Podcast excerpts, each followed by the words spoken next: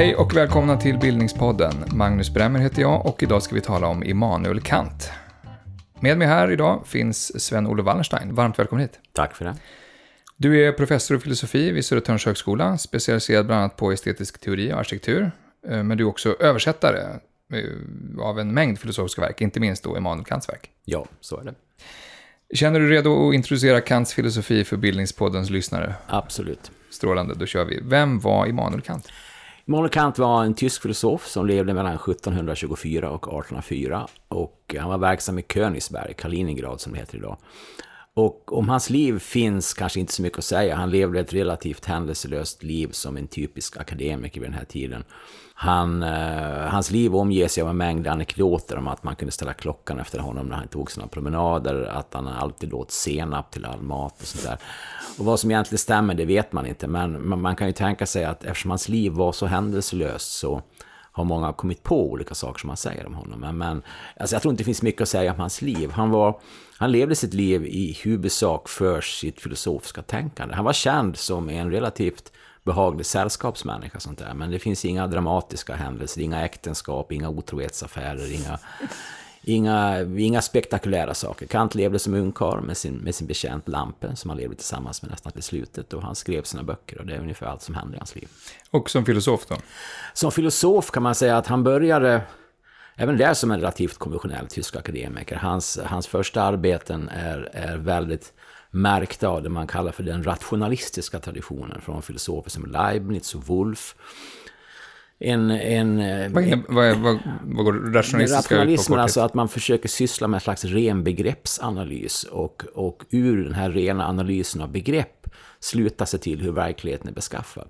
Motsatsen då är ju empirism, den brittiska traditionen, där man tror på sinnenas vittnesbörd och man som filosofen Locke sa att sinnet är en tabula rasa, vi är, allt vi vet får vi genom att få intryck från världen. Medan rationalist... Tabula rasa är en, en vit tavla? En vit tavla, en renskrubbad tavla. Och att allt vi vet får vi genom våra sinnen. Medan rationalisterna föreställer sig att vi har en stor mängd kunskap som är medfödd, som finns i våra idéer. Alltså, som är nedlagda i oss av Gud eller av förnuftet eller sånt. Kant började som en rationalist och hans första skrifter förhåller sig till, till den här rationalistiska traditionen. Och han, han är en kompetent men inte speciellt originell filosof egentligen. Och när han han tillträder sin professur i Königsberg 1771 och, och presenterar då sin så kallade inaugural dissertation på latin om, om formerna och principerna för den sinnliga och den intelligibla världen. Och där kan vi se att han börjar lite grann om, ompröva rationalismens idéer, men ändå inte riktigt. Året efter, 1772, så skriver han ett brev till Marcus Hertz som var en av hans gamla studenter, där han förklarar att han känner sig missnöjd med dissertationen och att han ännu inte har förstått det och ännu inte kunnat förklara hur begreppen, det intelligibla som man säger, och sinnligheten hänger ihop egentligen. Och efter detta följer en ganska lång tystnad, inte helt och fullt, men en, en period då Kant inte publicerar så mycket. Han, han reflekterar över sin historia, över sin bakgrund, vad han lärt sig. Och sen Tio år senare, 1781, så kommer då den första upplagan av hans första stora verk, det som vi läser fortfarande, Kritik av det rena förnuftet. Och då kan vi se att Kant träder fram som den här nya filosofen då, och som många uppfattar som den som inleder den filosofiska moderniteten överhuvudtaget, med ett helt nytt sätt att tänka. Mm. Vi, kan, vi ska prata mycket mer om vad, ja, vad det innebär, ja, men, ja. men är det så att han placerar sig någonstans mellan rationalismen och empirismen här? Man brukar säga så att, att han, han hämtar något från båda sidorna och i en av de skrifterna som han skriver mitt under sitt kritiska projekt, Prolegomena heter den, så säger han att det var David Hume, den brittiska empiristen, som väckte honom ur hans dogmatiska slummer. Alltså Hume som hävdar då med, med stor emfas att allt vi har, har vi genom sinnena. Och när Kant läste Hume så insåg han att den här rationalistiska filosofin han, han sysslat med inte var hållbar. Men det betyder inte att han blir empirist, utan snarare att Kant försöker hitta en medelväg mellan rationalism och empirism och visa att båda två har en poäng, men de går fel i så mått som de absolutifierar sina egna ståndpunkter. Så att sanningen och förståelsen av kunskapen måste bestå i en kombination av det rationella och det empiriska elementet. Och det låter lite grann som en kompromiss, och det mm. kanske det är på något sätt. Men vad Kant gör är att han tänker denna förening på en helt ny grund, och det är det som gör honom till... Vi måste hitta en helt ny grund till hur vi ska kunna förena de här två sidorna. Och det är det som är Kants modernitet och hans mm. Stora stora, hans stora upptäckare. Mm. Om du skulle försöka säga ur filosofi historiskt perspektiv vad som är det mest banbrytande med Kant, är, är det här någonstans vi landar då? Det skulle det vara. Och Kant kallar ju själv i, i förordet till kritik av rena förnuftet 1781 det här för en kopernikansk vändning.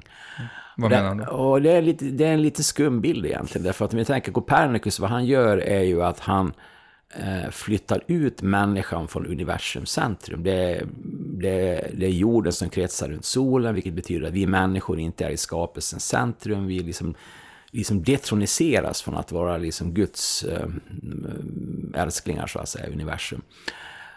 Vad Kant gör är att han sätter människan i centrum. Mm. Så egentligen är det en, en väldigt konstig bild han gör. Alltså, han pratar om det som, som de kopernikanische vänder, den kopernikanska vändningen.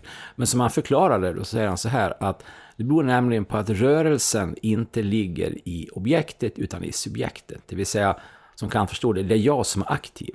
Det är jag som är aktiv och bestämmer hur världen ter sig för mig. I den här skriften Prolegomerna där han ju apostroferar Hume, det säger han så här, det är vi som ger order. Det är vi som ger order till naturen hur den ska te sig för oss. Och, och, så det är snarare att gör människan till solen då? Eller? Snarare blir människan i världens centrum. Och, mm. och, om man skulle jämföra eh, med den tidigare då rationalistiska filosofin hos Descartes, Spinoza, Leibniz, så kan man säga att den filosofin är vad man kallar teocentrisk. Det vill säga att den sätter Gud i centrum. Människan är ofullkomlig, vi kan inte förstå allting, det är Gud som är det oändliga intellektet. Och att filosofera innebär att höja sig upp till Guds tänkande, vilket vi aldrig lyckas med. Vi kommer ganska nära, men vår ändlighet, vår imperfektion, är en brist i vår kunskap. Därför är filosofins yttersta fråga, vad är Gud? Eller vad är oändligheten? När Kant i, i ska summera sin filosofi och han gör det vid olika, till, olika tillfällen på ungefär liknande sätt, så säger han så här att filosofins frågor kan det är tre frågor. Vad, vad kan jag veta? Vad bör jag göra? Vad får jag hoppas på? Men de kan summeras i en fjärde fråga. Vad är människan? Så mm. alltså, vad är människan är den fråga som står i centrum för filosofin och inte är Gud. Och detta är en aspekt av den här kopernikanska vändningen, att det är vi som ger order, det är vi som står i centrum. Mm. Vi ska prata mer om allt det här, men är det så att har Gud någon plats överhuvudtaget i kantstänkande? Gud har en plats hos Kant, i, i kanstänkande, men vad som händer med liksom religionen är ju att Gud långsamt börjar lämna scenen. Om man ser till, alltså Kant är en religiös filosof, han är troende. Det, vissa säger att han är agnostiker, att han inte tror på någonting, men jag skulle säga att rent, på rent psykologiska planet så är Kant förmodligen en kristen filosof. Och, och Gud har en väsentlig plats. Men inte som Gud hade tidigare. Exempelvis då i den första kritiken 1781 så avvisar Kant föreställningen att vi kan bevisa Guds existens. Det går inte. Vi ska förvisso tro på Gud, det behöver vi göra, men vi kan inte bevisa Gud med förnuftet. Och i moralfilosofin så kan vi säga att Gud är en Eh, en hjälphypotes. Gud är någonting som gör att moralen hänger ihop. Men det är inte Gud som bestämmer vad som är gott. Det är inte Gud som beordrar mig att göra det goda, utan det goda gör jag av mig själv. Så att Gud lämnar scenen. Och det intressanta här är att om vi tänker på Nietzsche, som ju hundra år senare skulle säga att Gud är död, så säger ju Nietzsche så här att det är vi själva som har dödat Gud. Vi har bara inte märkt det. Vi har bara, denna stora nyhet har ännu inte nått fram till oss. Jag skulle säga att Gud dör hos Kant. Ja, okay. vi är redan framme vid Gud. Eh, vi ska backa bandet lite grann, vi kan återvända till Gud. Eh, men du har redan du har sagt, eh, pratat om moralfilosofi och kunskapsteori och sånt. Kan du bara ge en överblick över vilka av de här typ klassiska filosofiska områdena som Kant tänker inom? Kant är verksam på alla områden och vissa områden som han själv uppfinner nästan också. Han, mm. han, han skriver inom moralfilosofi, du kan förklara vad moralfilosofi är. Ja. Eller man säger så här, hans, hans tre stora verk, de som vi fortfarande studerar intensivt, är de tre stora kritikerna som det heter. Mm. Och det är då kritik av det rena förnuftet som kommer 1781 och 1787. Det är två upplagor, han ändrar en hel del, så det är en lång debatt om han ändrar sig eller inte. 1788, kritik av det praktiska förnuftet som är hans moralfilosofi. Och 1790, kritik av omdömeskraften som behandlar dels estetiska problem men också naturen. De här tre ska vi återkomma till. Återkomma till. Ja. Så att man kan säga, där så ser vi hur Kant, om man nu tänker på, på låt oss säga, de gamla medeltida bestämningarna av filosofin, han behandlar det sanna, det goda och det sköna. Mm. Som ju var tre bestämningar. Filosofin sysslar med det sanna, det goda och det sköna. Så att det sanna är kritik av rena förnuftet, det goda praktiska förnuftet, det sköna omdömeskraften. så i, i den meningen kan man säga att Kants uppbyggnad av sin filosofi följer en skolfilosofisk, eh, skolfilosofisk modell. Mm. Men han skriver också om allt mellan himmel och antropologi, geografi, medicin, astronomi, eh, alltså mängd matematik. Han är verksam på alla områden inom filosofin och många som också ligger utanför filosofin. Så Kant, han är, han är verksam på alla områden kan vi säga. Vad är det mest udda han skriver om? Det mest udda skulle jag säga är, är eh, den mest udda text som Kant skriver, ja han skriver många udda texter, men, men, men, den som jag nyligen hade glädjen att diskutera tillsammans med en av våra doktorander, Anna Enström, som skriver en avhandling om Kant, är den tredje av den så kallade striden mellan fakulteterna.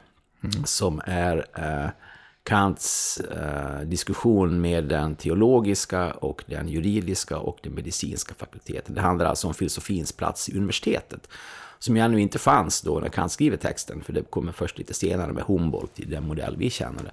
Men Kant diskuterar filosofins plats och i striden med den med, den medicinska fakulteten så går han in på sig själv, sin egen hypokondri, sin matsmältning, sina sömnproblem. Den oerhört bisarr och oerhört rolig text. Och, och den kom nyligen på svenska, Striden mellan fakulteterna. Mm. Där kan man också läsa om Kants explicita kommentar till franska revolutionen exempelvis. Och så, där. så att det är en väldigt spännande text. Men den sista striden här med den medicinska fakulteten tillhör det mer bisarra som Kant skrev. Eh, en filosof som pratar om sina egna sömnproblem, är det också en filosof som är lättare att, att relatera till sin egen vardag när man läser honom? Ja. när tänkte du senast på Kant i vardagen? Äh, inte med en doktorand? Utan... Nej, alltså Kant är kanske inte en filosof som man tänker på till vardags. Sånt där. Nej, det skulle jag inte säga. Men, men jag menar, är man filosof så, om jag nu får tala om mig själv här, så finns det kanske ingen omedelbar skillnad mellan ens arbete och vardagen. För att filosofin mm. finns med hela tiden. Så jag tänker på Kant ganska ofta i min vardag. Men det är helt enkelt för att jag ofta tänker på filosofi med mm. hela tiden. Men skulle, skulle Kant kunna ge oss vägledning i den nuvarande pandemikrisen till exempel? Eh, alltså om vi läser den tredje fakultetsstriden så tror jag läget skulle bli ännu värre. Folk skulle ha ännu svårare att sova och få ordning på sitt liv. Nej, varför, varför då? Nej, det är för att Kant är hypokondriker. Mm. Han är en formidabel hypokondriker, och vilket gör honom underhållande förstås också. Han är väldigt medveten om sin hypokondri, han analyserar den, beskriver den i, i, mm. i, detalj. Men jag tror att har man anlag för hypokondri ska man kanske inte läsa Kant. Ja, okay. eh, innan vi går vidare in i filosofin, du, du nämnde att det, det, att det inte finns så mycket spännande att säga om hans liv. Eh, samtidigt sa du en hel del spännande saker tyckte jag. Eh, det sägs vara väldigt händelselöst, hans liv. Det är väldigt händelselöst. Han, han, han tillträder han studerar eh, eh, på lite olika ställen i närheten av Königsberg och han slår sig ner där och blir professor 1771 och lever där sin död. I stort sett lämnar han inte Königsberg? Han lämnar inte Königsberg. Han lär ha lämnat en, ett fåtal gånger. Han åkte ut på landet. Uh, han skriver i något brev eller någon dagbok någonstans att endast två gånger då han, då han, uh, då han missade sin morgonpromenad. Ena gången var då han läste Rousseaus Den nya Eloise som han tog djupa intryck av. Den andra gången var när en bekant bad honom att stiga upp i sin vagn och, var på den här bekanta körde ut Kant på landet till, till ett värdshus och trakterade honom en lunch. Och sånt där. Så att hans, hans dygnsrytm stördes och Kant noterade i sin dagbok, kliv aldrig upp i en vagn i fortsättningen. Om detta är sant eller inte, det vet jag inte. Men som sagt det finns en mängd sådana anekdoter då, som ska visa hans bisarra karaktär. Så mm. Men det tyder ändå på att han var, att, att han var en rutinbunden person? Han var en rutin han, han, var en rutinbunden person och, och han brukade tydligen då förlägga sina föreläsningar klockan sju på morgonen redan. Mm. Därför att om studenterna inte orkade upp, då behövde de inte komma, tyckte han. han var väldigt punktlig och, och flitig och eh, person som jag kan föreställa mig att han leder för sitt arbete helt mm. Det fanns inte med plats för annat. Märks något av det där i hans filosofi? Kant är ju en, en byråkratisk filosof. Alltså, uh, Hur menar du då? I den bemärkelsen, låt oss säga så här att Max Weber, den här tyske sociologen som pratade om en slags byråkratisering av tillvaron, om, om ja, att allt ska vara på rätt plats och sådana saker. Mm. Det var långt senare. Det är i, mm. i början på 1900-talet. Men Weber, vad han sa om Kant, det minns jag inte nu, men han skulle kunna ha sagt så här att Kant är början på detta. Därför att Kant är det rena förnuftets byråkrat. Kant är den som vill placera allting i ett fack på rätt plats. Kants modell för filosofin är juridisk till stor del. Och han pratar i, i förordet till kritik av förnuftet om filosofin som en domstol, det vill säga inför filosofins domstol kommer olika pretendenter med anspråk på att ha rätt eller att ha en plats i förnuftet. Och Kant talar om för dem, det här är din plats, det här är din plats, det här är din plats. Så han är en byråkratisk filosof, han är en slags, slags filosofins ordningsman. Mm. Vilket ju har väckt raseri och, och hos Nietzsche och många andra som tycker att Kant är den mest stelbenta av alla preussiska byråkrater och sådär. Håller du med där? Ja, alltså det finns ju ett sånt drag hos Kant, va? absolut. Men samtidigt finns det det motsatta också. Det finns en, en Kant som skriver om det sublima, om kroppen, om affekterna, den hypokondriska Kant som jag nämnde. Det känslosam. Ja, det finns en oerhörd närvaro av det fysiska, affektiva och kroppsliga hos Kant som, som, som eh, absolut inte ska underskattas. Liksom. Mm. Vi kan säga, jag skulle säga alltså att Kant är den första av filosoferna som det är ett möjligtvis riskabelt påstående, men ändå inte helt fel. Att Kants filosofi tvingar oss till att titta på kroppen på ett nytt sätt. Därför mm. att hans idé, vi kan komma tillbaka till det, i hans idé om filosofi så är kroppen på en gång det som inte hör dit, men också det samtidigt det som hör dit hela tiden. Det som stör och påverkar och... Som vi inte kommer undan. Som vi inte kommer undan på ett helt annat sätt än hos Descartes. Där, där kroppen också finns där, men alls inte på samma inre och affektiva sätt som hos Kant. Mm. Var det självklart att han skulle bli filosof? Eh, det kanske det inte var. Hans, eh, hans tidiga studier då, som hans föräldrar eh, ålade honom, gällde mycket teologi. Han lärde sig hebreiska, han studerade latin och sådär. Mm. Man ser också Kant är en stor bibelläsare. Man ser detta i hans religionsfilosofiska och många artiklar han skrev på äldre dagar, att han har en kunst, djup kunskap om Bibeln. Det hade de flesta på den tiden. Men vad som drev honom till filosofi, nej, det vet jag inte. Alltså, mm. det, han, han skriver tidigt filosofiska texter redan på 1740-talet. Och, och eh, han var intresserad av filosofi. Jag vet inte om det finns något speciellt skäl. Liksom. Men finns det någon sån där genom, genombrottsögonblick i hans tänkande, där han liksom når en ny, en ny eh, ja, nivå? Ja, det är i så fall det här brevet till Marcus Hertz, som jag nämnde, mm. då, 1772. Alltså han har tillträtt som professor, han har fått sin ordinarie tjänst, eh, hans liv är utstakat, han har skrivit den stora dissertationen som man ska göra då, som inauguraldissertationen, som den heter på latin. Och han börjar tvivla på sig själv. Och i, i, det, i det brevet till Hertz, då, året efter, 72, så säger han att, att han, är, han, han ifrågasätter sig själv radikalt. Vad har jag gjort? Vad är poängen? Håller jag inte på att bara göra samma sak som alla andra och fylla i olika luckor i en redan färdig liksom, lärobyggnad? Utan han ifrågasätter sig själv och så tar det tio år mm. innan han kommer tillbaka. Då. Så att det stora ögonblicket är väl 1772 och 1781 och allt det som händer däremellan. När han, Hur gammal är han då? Han är född 1724, vad blir han nu? Han är väl i 40-årsåldern och sånt där. Mm. Var, var, han en berömd person i sin egen tid? Ja, i, inte i sin, i sin första fas, men, men i och med att de här kritikerna börjar komma då på 1780-talet, och då är han ju, då är han ju 60-årsåldern faktiskt, eh, mm. faktiskt när han börjar där. Och han skriver om eh, i den tredje kritiken att han måste 1790 då, att han måste avtvinga sin ålder där nu några få gynnsamma år. Han måste skynda mm. sig på. Så Kant, Kant är en filosof som bryter igenom på äldre dagar. Mm. Och han är medveten om att hans tid är utmätt, att han inte ska leva för evigt. Så han stressar fram sina, sina sista verk. Så hans, hans väsentliga arbeten skrivs inom loppet av 15 år, alltså från han är 60 till han är 75 ungefär.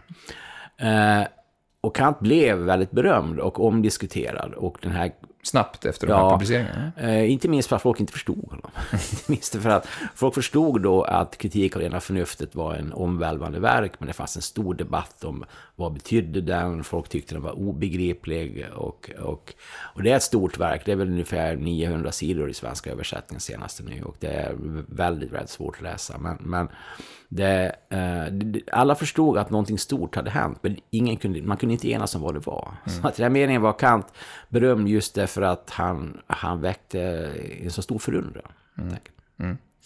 Men eh, är det, så att, eh, är, är det så att han inspirerar andra filosofer redan under sin livstid? Ja, alltså i takt med att hans berömmelse växte då, att det uppstod skolor med kantianer och man kunde vara kantian eller antikantian, så blev han låt oss säga på 1790-talet, så blev han den dominerande figuren i tysk filosofi. Alltså, mm. och, och de, det fanns givetvis andra som var kända, men de läser vi inte idag. Va? Det är mm. inte helt lätt att avgöra exakt hur hans ställning var. Men tittar man på Tittar man på de filosofer som kommer efter Kant som vi läser idag så reagerar alla på Kant. Mm. Så det kan ju vara en retroaktiv effekt att vi ser historien på ett visst sätt. Men tittar man på de tidiga, den romantiska generationen, på den idealistiska generationen som kom på 1790-talet så är Kant, man måste börja med Kant. Mm. Eh, poeten Hölderlin, Friedrich Hölderlin, skriver ett berömt brev till sin kollega Neuffer 1794 han säger så här att vår uppgift idag det är att ta ett steg bortom Kants gränslinje. Det vill säga att de gränser som Kant har stakat ut för förnuftet, de måste vi överskrida. Och det är det som alla Fichte, Schelling, Hegel, alla de som kommer efter Kant försöker göra på olika sätt. Mm. Men alla är ense om att steget måste gå framåt, det kan inte gå bakåt. Det finns ingen väg tillbaka till filosofin som den var före Kant. Så det talas ibland om ett före och ett efter Kant i filosofihistorien, så det, det, förstår man redan då? Absolut, och man börjar använda ord som förkritisk.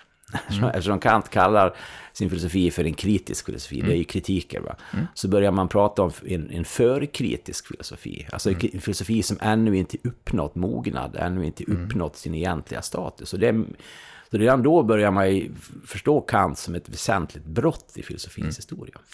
Och det kritiska ska vi komma in på alldeles strax. Det här är också upplysningstid. Eh, han kallas ibland för upplysningsfilosof. Eh, eh, var han det? Absolut. Alltså upplysningen var ju ett, en term då som lite olika, alltså les lumière, ljusen, i plural i franska, Aufklärung, upplysning på tyska. Ordet upplysning uh, hade, om man, vad ska man säga, det har lite samma status som ordet postmodernism har idag. Att alla bråkar om det, ingen vet vad det är och alla är arga på det. Är det en stil, är det en frisyr, ett sätt att klä sig, är det en filosofisk doktrin?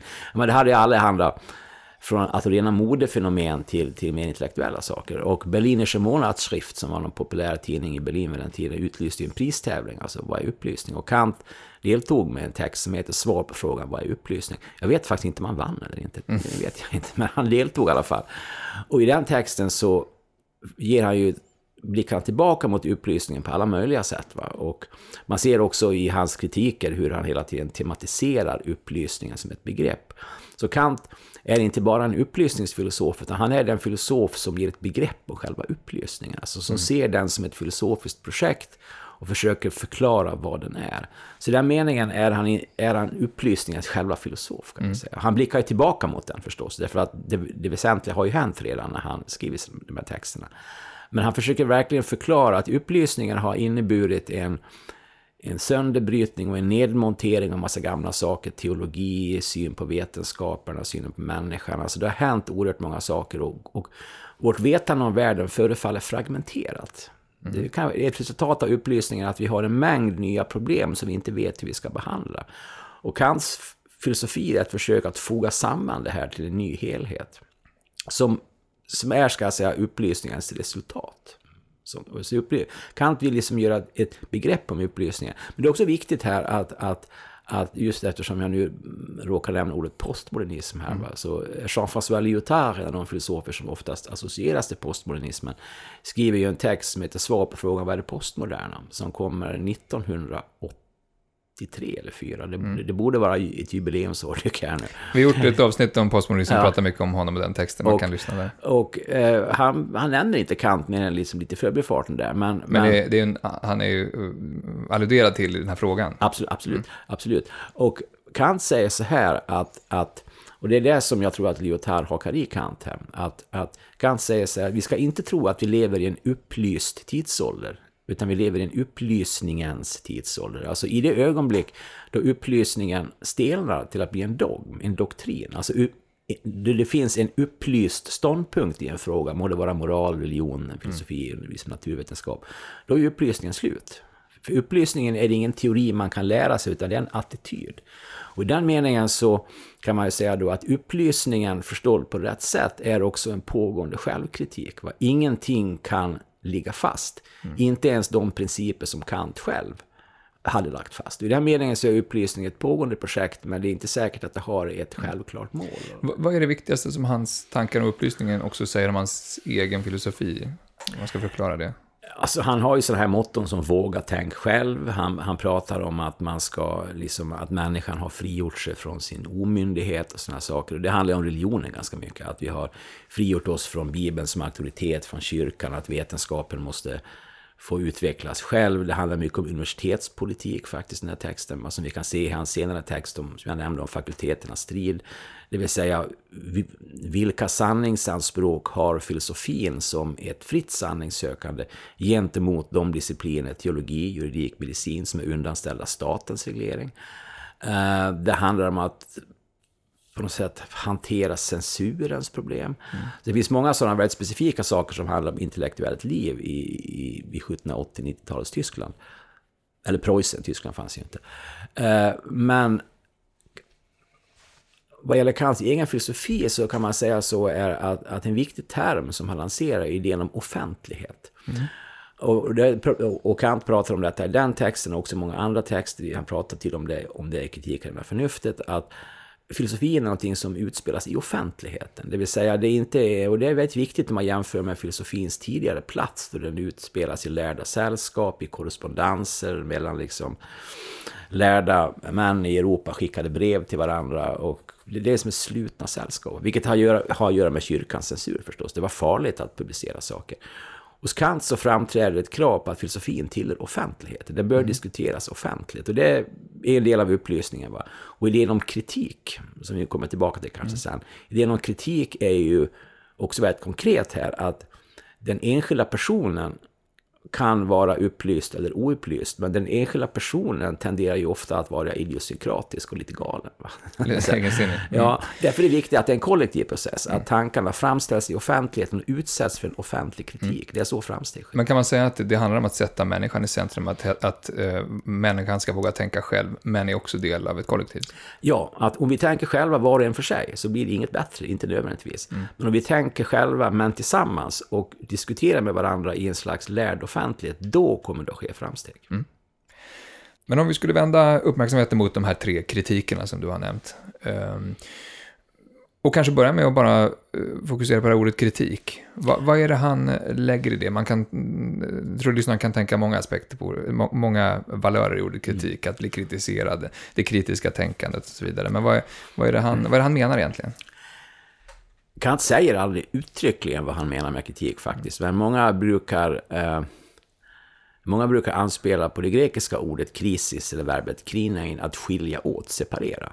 Och man kan säga att Kants kritik har en aspekt att den separerar olika delar av erfarenheten. Alltså jag sa ju tidigare att han är något av en byråkrat. Va? Han vill skilja kunskapen från moralen, från det estetiska området, från det politiska, från det religiösa. Det handlar om att allting ska vara i sitt fack, på sin plats. Så Kant är en filosofi som drar gränser mellan olika delar av vår erfarenhet. Och det är en aspekt av det kritiska, alltså en sönderdelande funktion. Sen så är det också en, en har den en negativ roll när man säger så här okej, okay, jag drar en gräns för kunskapen, för den teoretiska kunskapen om världen. Då betyder detta att den som försöker göra anspråk på en kunskap som går bortom denna gräns kommer att lura oss. Alltså det ska, den har en negativ funktion, den ska hindra oss från att veckla in oss i problem som vi inte kan lösa. Så det har både en säkerställande funktion, att inom de här gränserna kan vi, kan vi prata på ett visst sätt, men också en slags stoppsignal. Gå inte längre än det här. Så att, mm. Och när romantiker, jag nämnde Hölderlin här, när han säger vi måste gå bortom Kants gränslinjer, så är det ju en idé om att kan vi inte hitta någon slags enhet i erfarenheten eh, som ligger bortom Kants underdelning. Så att Kants uppdelning av erfarenheten i massa olika fack är också det som motiverar generationen efter att ta ett steg mm. bortom mm. Men man tänker den första kritiken, då, kritik av det rena förnuftet från 1781, som handlar väldigt mycket om hur når vi kunskap. Vad, vad säger eh, kritikbegreppet där? Det kan vi säga att han, han försöker, å ena sidan, det heter kritik av det rena förnuftet. Mm. Och eh, vad menas med den titeln då? Eh, man kan säga att nu är det, det, det, extra problemet här är att Kant använder förnuft på flera sätt. Och det får man säga är, är inte helt lyckat. Det är också lite oväntat att Kant är så slarvig med, med, med, med, med orden här. Men, men eh, Alltså han skiljer det rena från det praktiska. Ja, inte bara det. Han använder ordet förnu- i själva boken använder han förnuft på flera olika sätt mm. också, vilket skapar en förvirring. Men den grundläggande poängen är så här. Det är en kritik av det rena förnuftet därför att den ställer frågan hur långt kan vi komma med rent förnuft? Hur mycket kan vi veta med hjälp av rent förnuft? Och svaret är knappt någonting alls. Vi kommer ingenstans med rent förnuft. Så i den meningen är det är då en negativ kritik mot rationalismen som försöker förstå hur världen är beskaffad genom att titta på våra begrepp bara. Alltså man tittar på rent förnuft. Med detta säger Kant kommer vi ingenstans. Och det är ju hans empiristiska sida. Alltså våra begrepp ger oss ingen kunskap om de inte kombineras med det vi får genom sinnena. Så att Kant försöker säga så här ungefär, vi har en erfarenhet, vi har en erfarenhet av världen eh, som för honom i, huvudsak sammanfaller med Newtons mekanik, alltså med den tidens vetenskapliga världsbild.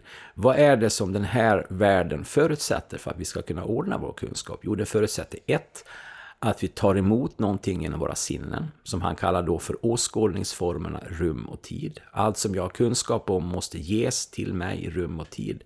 Men samtidigt måste jag ordna detta på något sätt. Och detta gör han genom vad han kallar kategorier. Alltså det som tillhör då förståndet eller förnuftet eller tänkandet. Och här, det är liksom två sidor här. Och Kant använder olika termer här för att prata om sidorna, vilket gör det hela förvirrande ibland. Men, men grunden är att kunskap eller erfarenhet är en kombination eller en syntes, säger Kant, av det vi får genom sinnena och det vi och hur vi organiserar det här materialet genom kategorierna. Och i kategorierna så hittar vi då framför allt en sån idé som orsak och verkan.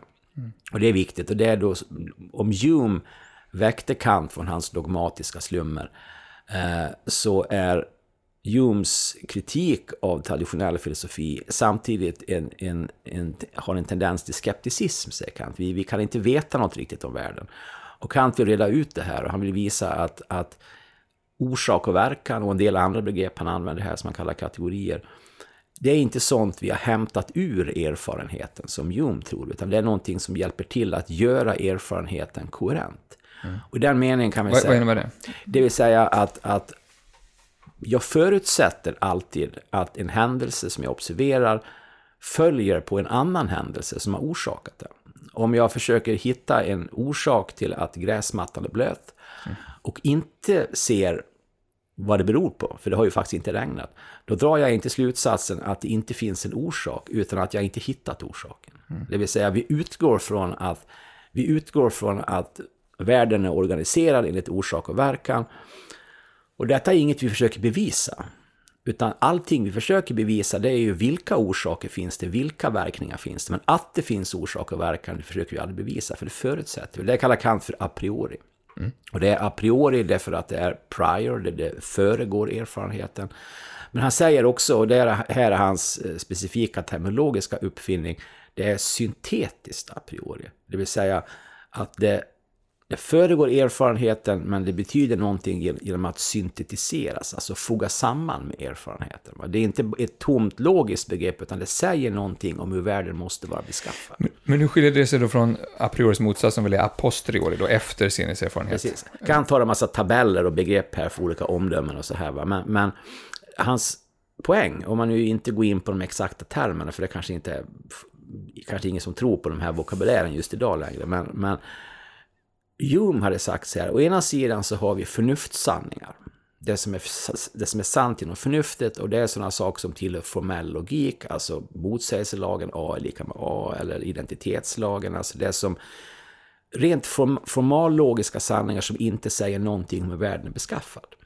Å andra sidan empiriska sanningar, att snö är vitt och att och vatten kokar vid 100 grader. Kants problem då är att om, om det inte finns mer än det så har ju filosofin inget att säga. Vad ska filosofin prata om då? Då han upptäcker då, eller åtminstone menar sig upptäcka, att det finns någonting däremellan. Alltså det som varken är rent logiskt sant eller det, eller det som är rent empiriskt sant, utan han kallar det som tillhör den transcendentala logiken. Och Kant plockar upp ordet transcendental här från medeltida filosofi där det användes och fanns någon gång på 1200-talet förmodligen, säger många.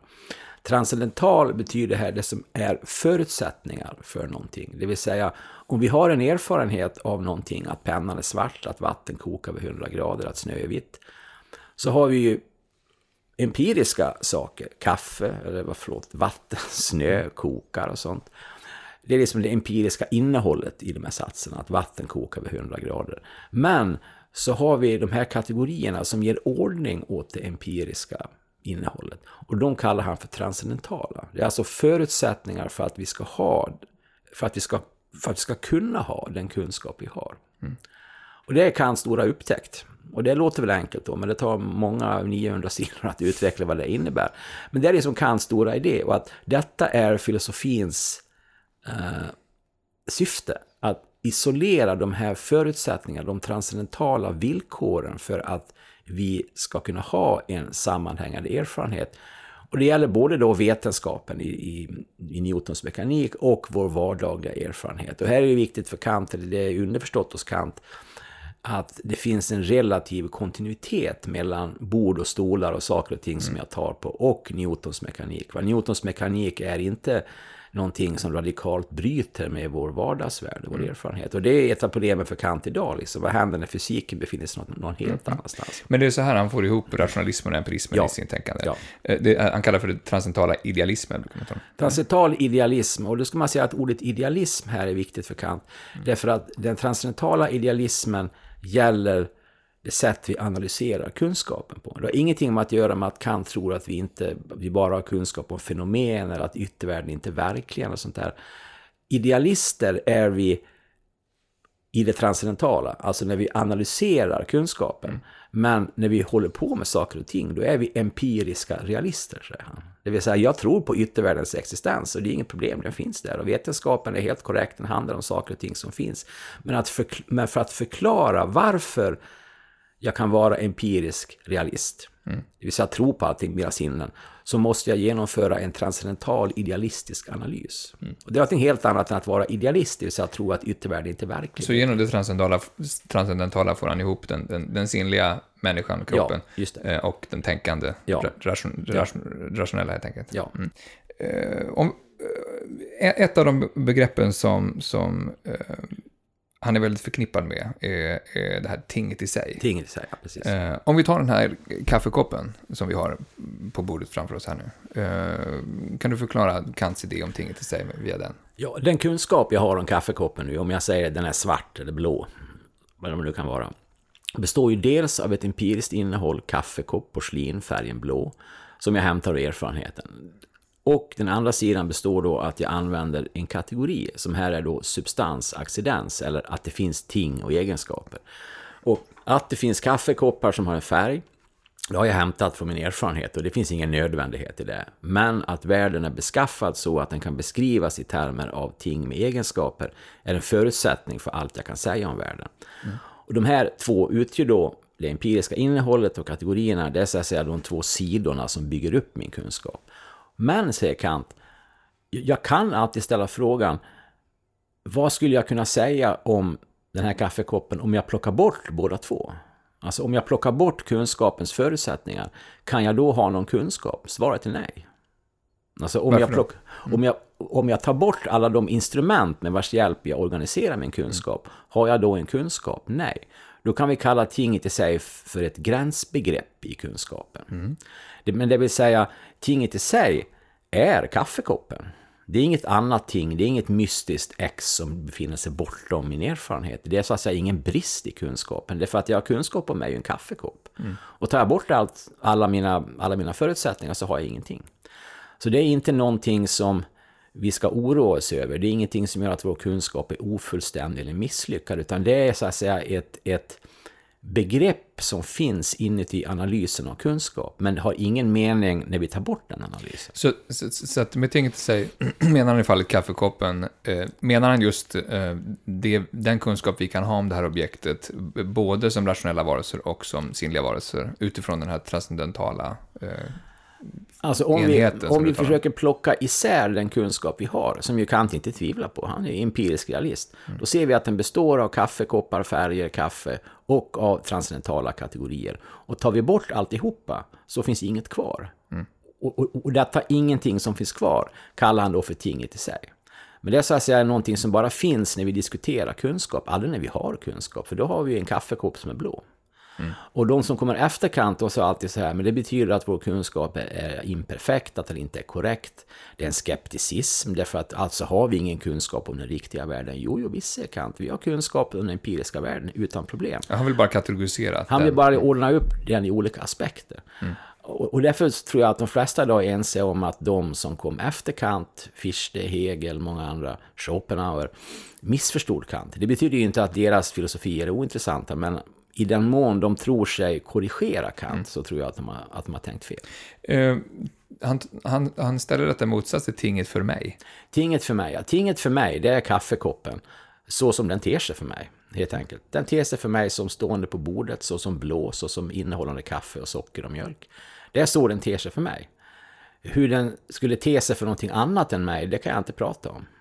Men som sagt, det är det som är den, den mänskliga gränsen på något sätt. Den mänskliga gränsen är att vår kunskap, och det här är faktiskt en väldigt viktig poäng, därför att om man tänker en, en rationalistisk filosof som Leibniz eller sånt där, han skulle säga så att Vår mänskliga kunskap är begränsad, men Gud har ytterst den fullständiga kunskapen om kaffekoppen. Han ser den från alla håll samtidigt, han ser den så som den är absolut i sig. Och därför är vi kommer en bit på vägen men inte riktigt fram. Kant säger så här, om Gud finns så har han ingen kunskap om någonting. Därför att kunskap är det vi som har. Alltså kunskap är ändlighet. Mm. Och därför är det ingen brist, utan det är det som utgör eller konstituerar kunskap. Så att om Gud finns så vet han ingenting. Mm. Därför att det är vi som vet. Gud är, om han nu finns eller nu har någon mening i Kants filosofi, så är han utanför det vi kallar kunskap. Varför har det här begreppet blivit så berömt ändå?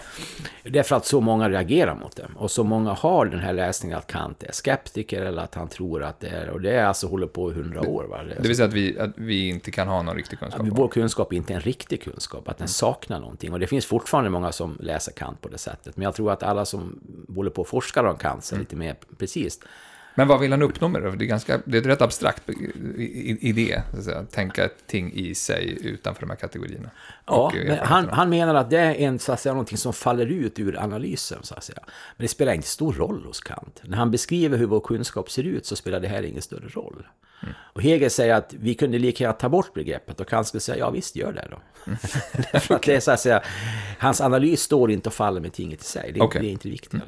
Om vi går vidare till den andra kritiken, och kritik mm. av eh, det praktiska förnuftet. Precis. Eh, 1788. Det tar ju Kant en annan väg. Därför att det handlar om moralen eller etiken, eller det vi skulle kalla moralfilosofi. Det viktiga, goda handlingar och så vidare. Goda handlingar. Det viktiga för Kant är att vi måste skilja på vara och böra. Alltså mm. vara hur saker och ting är. Och det hittar vi, och det har vi kunskap om. Va? Det är den första kritiken. Det är den första kritiken. Det andra är ju hur saker och ting bör vara. Och där snärjer ju Kant in sig i, i många saker som också har, har retat folk, men inte i lika hög grad som tinget i sig kanske det så kallade kategoriska imperativet. Och han säger så här att det som avgör om en handling är god eller inte, det är om jag kan upphöja den här handlingens principer till allmän lag. Det vill säga, om jag upphöjer lögn till allmän lag, så upphävs själva idén om att säga någonting sant. Det är motsägelsefullt. Så att det kategoriska imperativet är ett sätt att testa om handlingar kan göras universella. Mm en handling kan inte vara god bara för mig. Det måste vara god för alla. Det måste ha en universalitet. Och det, Men det, kan inte också bara, det kan inte heller bara vara ett gott resultat, så att säga, utan det måste Nej, ha en god intention. Det är det som är problemet. Även här så har man möjligtvis, tror jag, man kan vara mer generös mot Kant. För om jag säger så här, okej, okay, det kommer in någon här i, i, i min lägenhet och säger så här, jag tänker skjuta dina barn. Var befinner sig dina barn? Är de i sovrummet? Då får jag inte ljuga. Eftersom då har jag förbrutit mig mot det kategoriska imperativ. Då säger en förnuftig människa, ja men ljug förstås, mm. måste rädda dina barn. Det vill säga Kant förefaller att bortse från handlingars konsekvenser. Det vi kallar för utilitarism, eller att alltså, effekten av en handling är det som avgör dess värde. Kant gör inte det, men han kallar det för hypotetiska imperativ. Alltså om jag gör någonting så händer någonting annat. Och detta vilar på att jag har en kunskap om världen och att jag kan ha ett omdöme och att jag kan säga om jag gör det här så brukar det här hända. Och Kant är inte emot. Det är inte så att han tycker att vi inte ska använda hypotetiska imperativ. Men vad jag tror man kan läsa honom att han menar så här. Det är det kategoriska imperativet som gör att vi ställer oss moraliska frågor. Därför att det hypotetiska, det handlar om min kunskap, att det vad som är praktiskt, hur jag vet att världen är beskaffad. Men det kategoriska imperativet är det som tvingar mig till någonting obetingat, alltså en, en, till en absolut moralisk mm. ståndpunkt. Och, och sen snärjer Kant in sig i, i hur han ska försvara det här och kanske inte helt lyckat. Va? Men jag tror att det finns en poäng här, alltså att det är det kategoriska imperativet som skiljer moral från ren, från ren pragmatism. Mm. Finns det någonting här också, att dra ner det här till, till eh, den enskild, tänk, enskilt kritiskt tänkande människan, att ställa sig de här frågorna? Att, att syftet med det kategoriska imperativet, att alla dina handlingar eh, ska kunna upphöjas till allmän lag, tvingar människan att reflektera kring moraliska så, frågor. Absolut. Eh, så är det ju, därför att det katolska imperativet kommer ju till mig, det känns som det kom utifrån, säger Kant. För det viktiga är att inte, det får inte handla om mig. Om, om min nytta, jag kan säga så här, men det här är bra för mig. Mm. Men det får jag inte säga om jag ska lyda imperativet, utan jag måste tänka att det här måste vara bra för alla, det här måste kunna upphöjas till en allmän lag. Så att det tvingar mig till att i varje situation ställa mig den här frågan. Mm. Och därför säger Kant också att det här fungerar ju på, på ett eh, sätt som kan vara smärtsamt. Det vill säga att det bryter med min egen kärlek, säger Kant. För att i mitt vanliga liv, när jag bara lever på, så gör jag saker som passar mig, som jag tycker om, som jag har nytta av. Men jag kan alltid kliva ut i mig själv och säga stopp och belägg. Är detta rätt? Mm. Och detta menar Kant, detta, till den positionen kommer jag inte om jag bara tänker hypotetiskt, alltså praktiskt vad jag vet om världen. Jag måste kunna säga, men stopp och belägg, jag är någonting annat än den här kroppen i världen som vill njuta och känna och göra. Jag är också någonting annat. Det Kant kallar, jag är en översinnlig person, säger Kant. Mm. Så det, det, blir en slags dualism här mellan teoretiskt och praktiskt. Mm. Men eh, om vi tar in Gud i det här igen då. Eh, använder han det kategoriska imperativet på något sätt för att eh, kritisera religiös moral eller religiösa... Ja, inte riktigt. Han återinför ju Gud här på olika sätt. Va? Därför att det kategoriska imperativet stöter på vissa problem. Därför att även om jag handlar gott så förefaller det ju vara så att, att Vissa människor handlar aldrig gott och de lever ändå lyckliga. Och andra människor handlar gott och får ett eländigt liv. Så varför ska jag, varför ska jag underkasta mig det här? Det verkar inte, det verkar inte ge mig någon nytta. Jag, jag, jag får, jag får ingen belöning av det här. Så på sätt och vis måste vi tänka oss, säger Kant, en idé om eviga straff eller om en gud eller sånt där. Därför att det, det kommer till för att staga upp det faktum att, att eh, det här ändå inte fungerar i verkligheten. Va? Men en enskild människa, människa ska ändå hänvisa till eh, sig själv och den, den allmänna lagen snarare än att Eller man ska inte hänvisa till sig själv, för då, handlar man i, då hamnar man i det här att det som är nyttigt för mig. Man ska hänvisa till det universella och allmänna. Va? Men Kant plockar in Gud och en del teologiska saker i sin praktiska filosofi. Men det är inte för att kritisera dem, utan för att säga sig att i den mån religionen, och framförallt kristendomen då, men även de andra, judendomen, islam, höggudsreligionerna, han tillhör den sfären liksom. I den mån de har en filosofisk mening så är det just därför att deras dogmer kan översättas till moraliska principer. Så han försöker så att säga moralisera religionen eller föra över delar av religionen till moralfilosofin. Mm. Och det är ju det här som också gör att hans skrifter om religion blir belagda med förbud. Va? Den preussiska regeringen sätter stopp för det här. Va? Hans mm. skrift om religionsfilosofi blir liksom censurerad.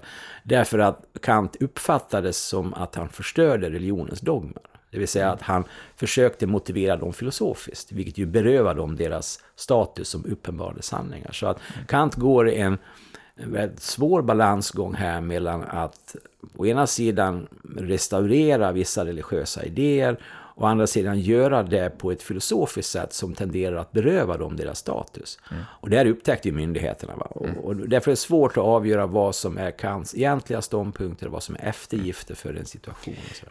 För det kategoriska imperativet ligger väl ändå ganska nära eh, vissa sådana här religiösa, man tänker en gyllene regeln om att behandla andra människor som man vill behandla själv. Och så Visst, nej, men det hänger samman med en massa principer att man ska behandla människor som, som mål och inte som medel och så här. Det, finns, det har många aspekter det här. Va? Men, Hur, men, vad menar man då? Ja, men att man ska, en regel är att man ska inte behandla människor som medel för sin, sitt eget förverkligande eller utnyttja dem, utan människor är mål i sig själva. Mm. Alltså, och, och alltså inte utnyttja andra människor helt enkelt. Mm. Men alltså problemet är att Kants moralfilosofi tenderar att vara abstrakt och stel. Nietzsche säger någonstans att man ser katolska imperativet och tänker man preussiska soldater på en häst som rider i vakt och sådana saker. Lite, lite elak kanske.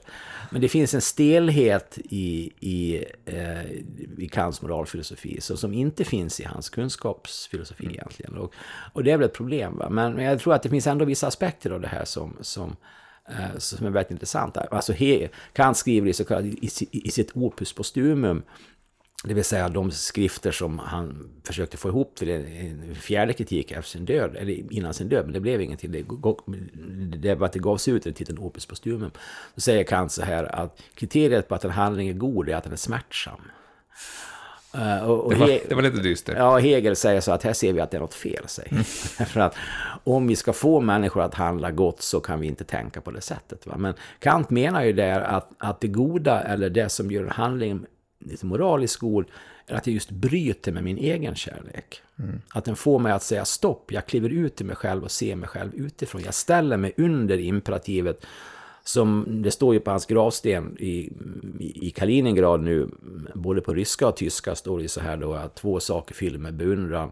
Stjärnhimlen ovanför mig och sedelagen inom mig, alltså imperativet. Va? Mm. Och det här att man kliver ut ur sig själv Fast man ändå är sig själv. Det är för att det är inte Gud som befaller. Utan det är jag som befaller mig själv. Men jag befaller mig själv som jag vore en annan. Och ställer mig på så sätt i motsats till min egen kärlek. Mm. Jag bryter med min narcissism kunde vi säga. Det är ett slags överjag där. Det är ett slags överjag. Och många har ju kopplat det här då till vi som Freuds överjag. Va? Och det är en kritik av narcissism och sådana mm. saker. Man kan säkert också, läsa det på ett sätt. Det är också väldigt mycket, mycket dygd. Det handlar inte om att maximera lycka. Det handlar inte om någonting, någonting annat sådana moralfilosofiska eh, principer. Utan alltså, det, det, är att, att, att, vara en dygdig människa. Alltså det, det, är, alltså det är en plikt, en pliktetik egentligen, mm. ska man säga. Alltså det finns massa termer för det här. Men, men Kants eh, Alltså både Kants kunskapskritik eh, eh, och vi ska se, kommer in på hans omdömeskraft, mm, hans mm. estetik. Båda två har ju fått väldigt många moderna tolkningar. Så här, va? Den praktiska filosofin är kanske den som har haft svårast att överleva just för att den tenderar att vara lite så stelbent och abstrakt och inte mm. ta hänsyn till konkreta omständigheter. Så det, det är en svaghet uppenbarligen. Ja, men om vi gör oss vidare till den tredje mm. sista kritiken då, den sista fullständiga ja. eh, kritik av omdömeskraften 1790. Eh, är det här, är det här en slags sammanvägning av de två föregående? Den är lite svår att värdera för att en del ser den som att det, det är en massa stickspår som har lämnat nu, eller en massa lösa trådar han vill, han vill knyta ihop. Andra, andra säger att det är här han fullbordar sin filosofi. Och eh, Kant skriver själv i förordet, att han måste skynda på för han blir gammal. Va? Mm. Man känner lite grann på slutet att han blir gammal när han skriver också här på slutet. Eh, jag har översatt den så jag har en, en plågsam relation till just den texten. Men, men vi kan säga att det där behandlar om två saker. Dels det vi kallar det estetiska omdömet och dels idén att naturen har en slags ändamålsenlighet. Och den andra delen tror jag inte väcker så stor förtjusning idag. Eh, men det första... Den om naturen? Ja, om naturen. Nej. Den är intressant, men den är kanske inte helt i fas med våra problem idag. Riktigt. Den första delen däremot är fortfarande något som alla läser. För det handlar om frågan, vad är det vi gör när vi säger detta är skönt? Eller detta när vi fäller ett estetiskt omdöme? På vilket sätt förhåller sig det estetiska omdömet till kunskapsomdömen och moraliska omdömen? Mm. Kan de reduceras till någonting annat eller är de självständiga? Och Kant pratar ju om här om en autonomi, alltså det estetiska har en autonomi. Hur då? Det vill säga, när jag säger att detta är skönt eller sublimt, mm. vackert, är, vackert eh, så, och han pratar om skönhet hela tiden, mm. så är det inte reducerbart till ett, ett kunskapsomdöme. Eh, det vill säga, det är inte så att jag fäller ett objektivt omdöme om jag säger kaffekoppen är blå eller svart. Det är inte samma sak. Men det är inte heller så att jag fäller ett moraliskt omdöme om någonting. Utan jag säger någonting som handlar om min egen respons och min egen reaktion. Men det betyder för Kant inte bara att det är, det betyder inte att det bara är subjektivt. Och det är en viktig upptäckt, va? därför att i, i, den, i den första kritiken då, 1781, så har han en lång fotnot där han säger så här att det är bara i Tyskland som man använder ordet estetik för att prata om smak. Det har att göra med att ordet estetik hade några decennier innan eh, införts som en teori om smaken av Alexander Gottlieb Baumgarten 1735. Och Kant menar att han använder också ordet estetik, där man säger att estetik handlar om rum och tid, alltså om sinnlighetens former. Det finns inget filosofiskt att säga om smak, det vill säga våra omdömen om konst eller skönhet, därför att smaken är bara olika, det finns inget att prata om här. Och det är då 1781, men, men nio år senare så verkar han ändra sig, han, han, han har ändrat sig. Och hans tanke är ju så här, när jag säger detta är skönt, så är det inte objektivt i betydelsen att skönheten är en egenskap hos tinget. Det är inte heller ett moraliskt omdöme att tinget bör vara på det ena eller andra sättet. Men jag riktar mig till andra människor och vill att de ska instämma. Alltså, han pratar om smaken som ett gemensamt sinne, ett sensus communis. Jag riktar mig till en idé om gemenskap som skulle kunna finnas mellan oss. Mm. Därför pratar jag inte om mig själv direkt, utan jag pratar om mig själv genom andra och genom tinget. Så här, handlar det om människan och kollektivet som vi Det handlar om vad man kallar för intersubjektivitet. Och man vet själv när man, när man börjar diskutera smak, man kommer ut från bion och sett en film och sådär. Mm. Så är det någon säger, jag tycker den här filmen var hemsk. Så handlar det jag tyckte den var jättebra. Då vill man fortsätta prata, för man accepterar ju inte att den andra har rätt. Eller alltså, man säger, ja, ja, det struntar vad jag vad du tycker. Mm. Man vill uppnå en enighet. Och, och därför finns det en estetisk debatt. Och därför är den estetiska debatten på en gång oavslutbar. Mm. Att det finns inga estet, det finns inga objektiva kriterier givetvis, och det finns inom fysiken. Men samtidigt kan vi inte säga bara att vi slutar, för vi mm. vill övertyga varandra. Så är, är det fortfarande en fråga om sanning? Det handlar inte om objektiva sanningar, men det är ändå ett strävan efter någon form av sann kunskap? Det är en strävan efter en gemenskap i känslan, och Kant pratar ofta om det som en gemenskap i känslan. Och det, och det är därför som vi inte kan låta bli. Mm. Och detta att vi inte kan låta bli är inte då en defekt hos vårt förnuft, att vi tenderar att, att veckla in oss i olösbara problem, utan det är en essentiell del av förnuftet. För att det är det som gör att vi sträcker oss ut mot andra människor och tänker tänkandet som en gemenskap. Och därför kan man säga att den här har också en viktig förbindelse med Kants politiska filosofi och hans idé om gemenskap. Och det har utvecklats av många senare filosofer. Jag nämnde Lyotard, Hanna Arendt, många andra har plockat upp just den här tanken på sensus communis och den politiska aspekten av Kants estetik. Så den har ju lockat många, alltså dels kan man säga att Kant, eh, inte den första kanske, men han är den första att säga att konsten är autonom. Det vill säga, vi kan inte kritisera konst för att den innehåller empiriskt felaktiga påståenden. Vi kan heller inte läsa en roman som det vore en, en, en uppmaning till att handla. Vi kan inte säga att Brott och straff är en dålig roman för att den uppmanar till yxmord. Vi, det, det, det, det estetiska är självständigt i förhållande till det kognitiva och det etiska. Va? Och, och det är en, hela moderniteten, hela modernismen är ju på sätt och vis växer fram ur Kants problem. Mm. Vad, vad, skulle du säga att den tredje kritiken gör med just Kants användning av, av kritik eh, som begrepp eller syn på det kritiska filosofin som han talar Det är väldigt intressant därför att eh, han använder ju även där ordet på ett tvetydigt sätt. Å ena sidan är det en kritik av omdömeskraften, alltså han försöker ringa in på vilket fält fäller vi estetiska omdömen? Och visa att de måste skiljas då i den här negativa aspekten från kognitiva och etiska omdömen. Så det är en kritik i betydelsen avgränsning. Men det är också en diskussion om vad kritik som skrivande är. Mm. För han säger så, om den sköna konsten finns ingen vetenskap, bara en kritik. Mm. Och då menar jag ju inte kritik i den här filosofiska meningen, utan att just det faktum att det inte finns objektiva kriterier för vad som är ett skönt konstverk eller en dikt eller ett musikstycke, gör att det finns en speciell form av skrivande som vi kallar för kritik. Och det är en av de stora uppfinningarna på 1700-talet, eh, från Diderot och många andra, att det finns en speciell form av text som vi kallar kritik, där någon artikulerar sin respons på ett konstverk på så sätt att den antas vara intressant för andra. Kritiken är också en idé om en gemenskap här. Håll med mig, jag förklarar vad jag tycker och sådär. Mm. Samtidigt som jag ju vet som kritiker att jag inte kan andra några vetenskapliga kriterier för mitt omdöme. Så att kritiken är en speciell form av litterär form som speglar det faktum att det finns en kritik av omdömeskraften. Så att ordet kritik figurerar på båda ställena, eller på, på två nivåer i texten. Va? Så att, mm. Även där kan vi se att Kant har spelat en oerhörd roll för hela den liksom, begreppsliga utvecklingen av den moderna konsten och konstkritiken och allting. Mm. Eh, det som är problemet med Kant är ju det här då att han knyter sin analys av kunskapen ändå så pass starkt till en viss stadium hos naturvetenskapens utveckling, alltså Newtons mekanik som den ser ut, som den såg ut då i slutet på 1700-talet. Frågan är de begrepp som han använder, liksom substans, accidens, kausalitet, hans förstående av rum och tid. Det är uppenbart att vi inte kan behålla exakt det han säger, därför att naturvetenskaperna utvecklas enormt mycket. Och det, vi kan inte alls prata om rum och tid som Kant gör. Liksom. Och förmodligen inte om kausalitet eller substanser heller.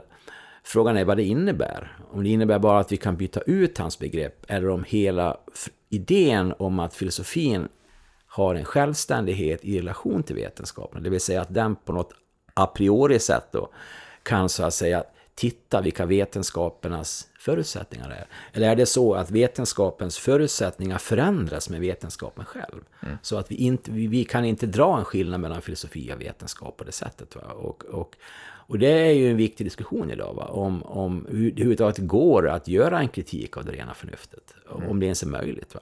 Kant eh, försöker sig på att skriva en fjärde kritik, men han, han dör. Eh, vad händer sen? Om du ska beskriva hans inflytande i filosofin fram till 1900-talet eller så. Jag skulle säga att, att hans inflytande är förstås enormt därför att han är så att säga, förordet till hela moderna filosofin. Och, och det första är då alltså den grundläggande idén om det transcendentala. Alltså om filosofin som sådan kan hitta en plats för sig själv. Alltså där den skulle vara ha prioritet i förhållande till andra erfarenheter, vetenskaperna, har filosofin ett eget fält med egna problem som den kan behandla oberoende av de andra erfarenhetsfälten i vårt liv, men också på så sätt att den stiftar lagar för hur de andra erfarenheterna ska se ut.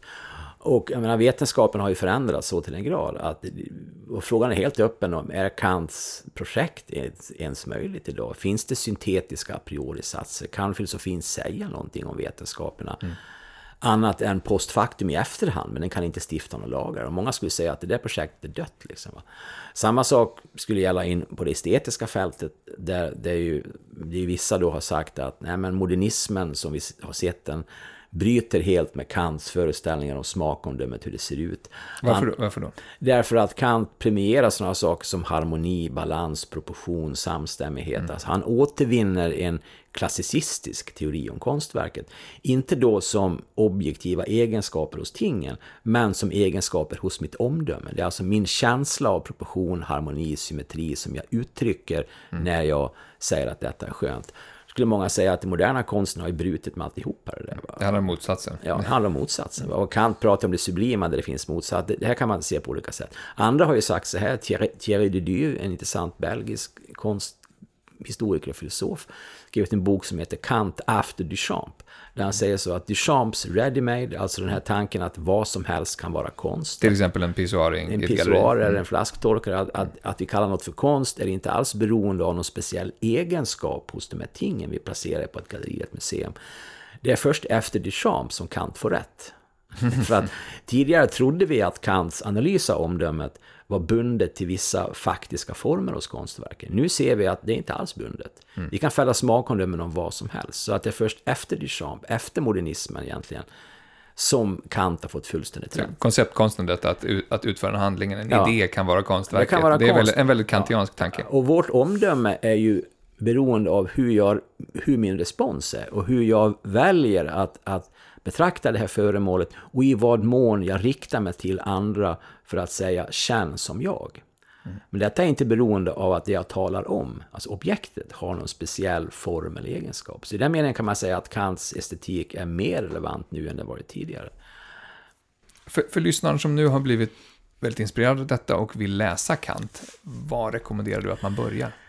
Jag skulle säga att den, en rätt kort text som är liksom lättläst och inte innehåller några filosofiska tekniska saker är hans skrift om upplysningen. Alltså svar på frågan vad är upplysning? Och den finns ju i en liten bok som heter Vad är upplysning? Med kommentarer av Michel Foucault, Jürgen Habermas, det finns, det finns Moses Mendelssohns bidrag, det finns flera texter där som situerar Kants text. Det är en alldeles förträfflig introduktion till Kants allmänna hållning vad gäller upplysningen och, och eh, alltså hans syn på filosofins plats i samhället, skulle jag säga. Vad gäller hans mer stora verk så är de ju, är de besvärliga och, och krångliga. Så där, va? Men, men om man ska börja någonstans så skulle jag säga att man kan läsa förorden till Förorden till kritik av rena förnuftet, de som kallas A och B, alltså 1781 och 1787, där får man en bild av Kants hela projekt. Alltså mm. förorden till det. Och sen blir det snårigt när han börjar sen i, i huvudtexten. Men förorden till A och B-upplagan av kritik av rena förnuftet ger de är också ibland, ibland kommer de ganska nära texten om upplysning, för det handlar mm. om filosofins plats i samhället. Sådär.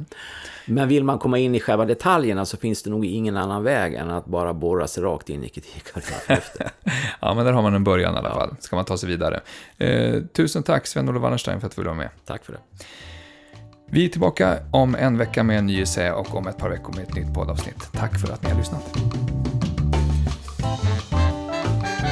Du har lyssnat på Bildningspodden, en del av bildningsmagasinet Anekdot. Fler poddar, filmer och essäer hittar du på anekdot.se.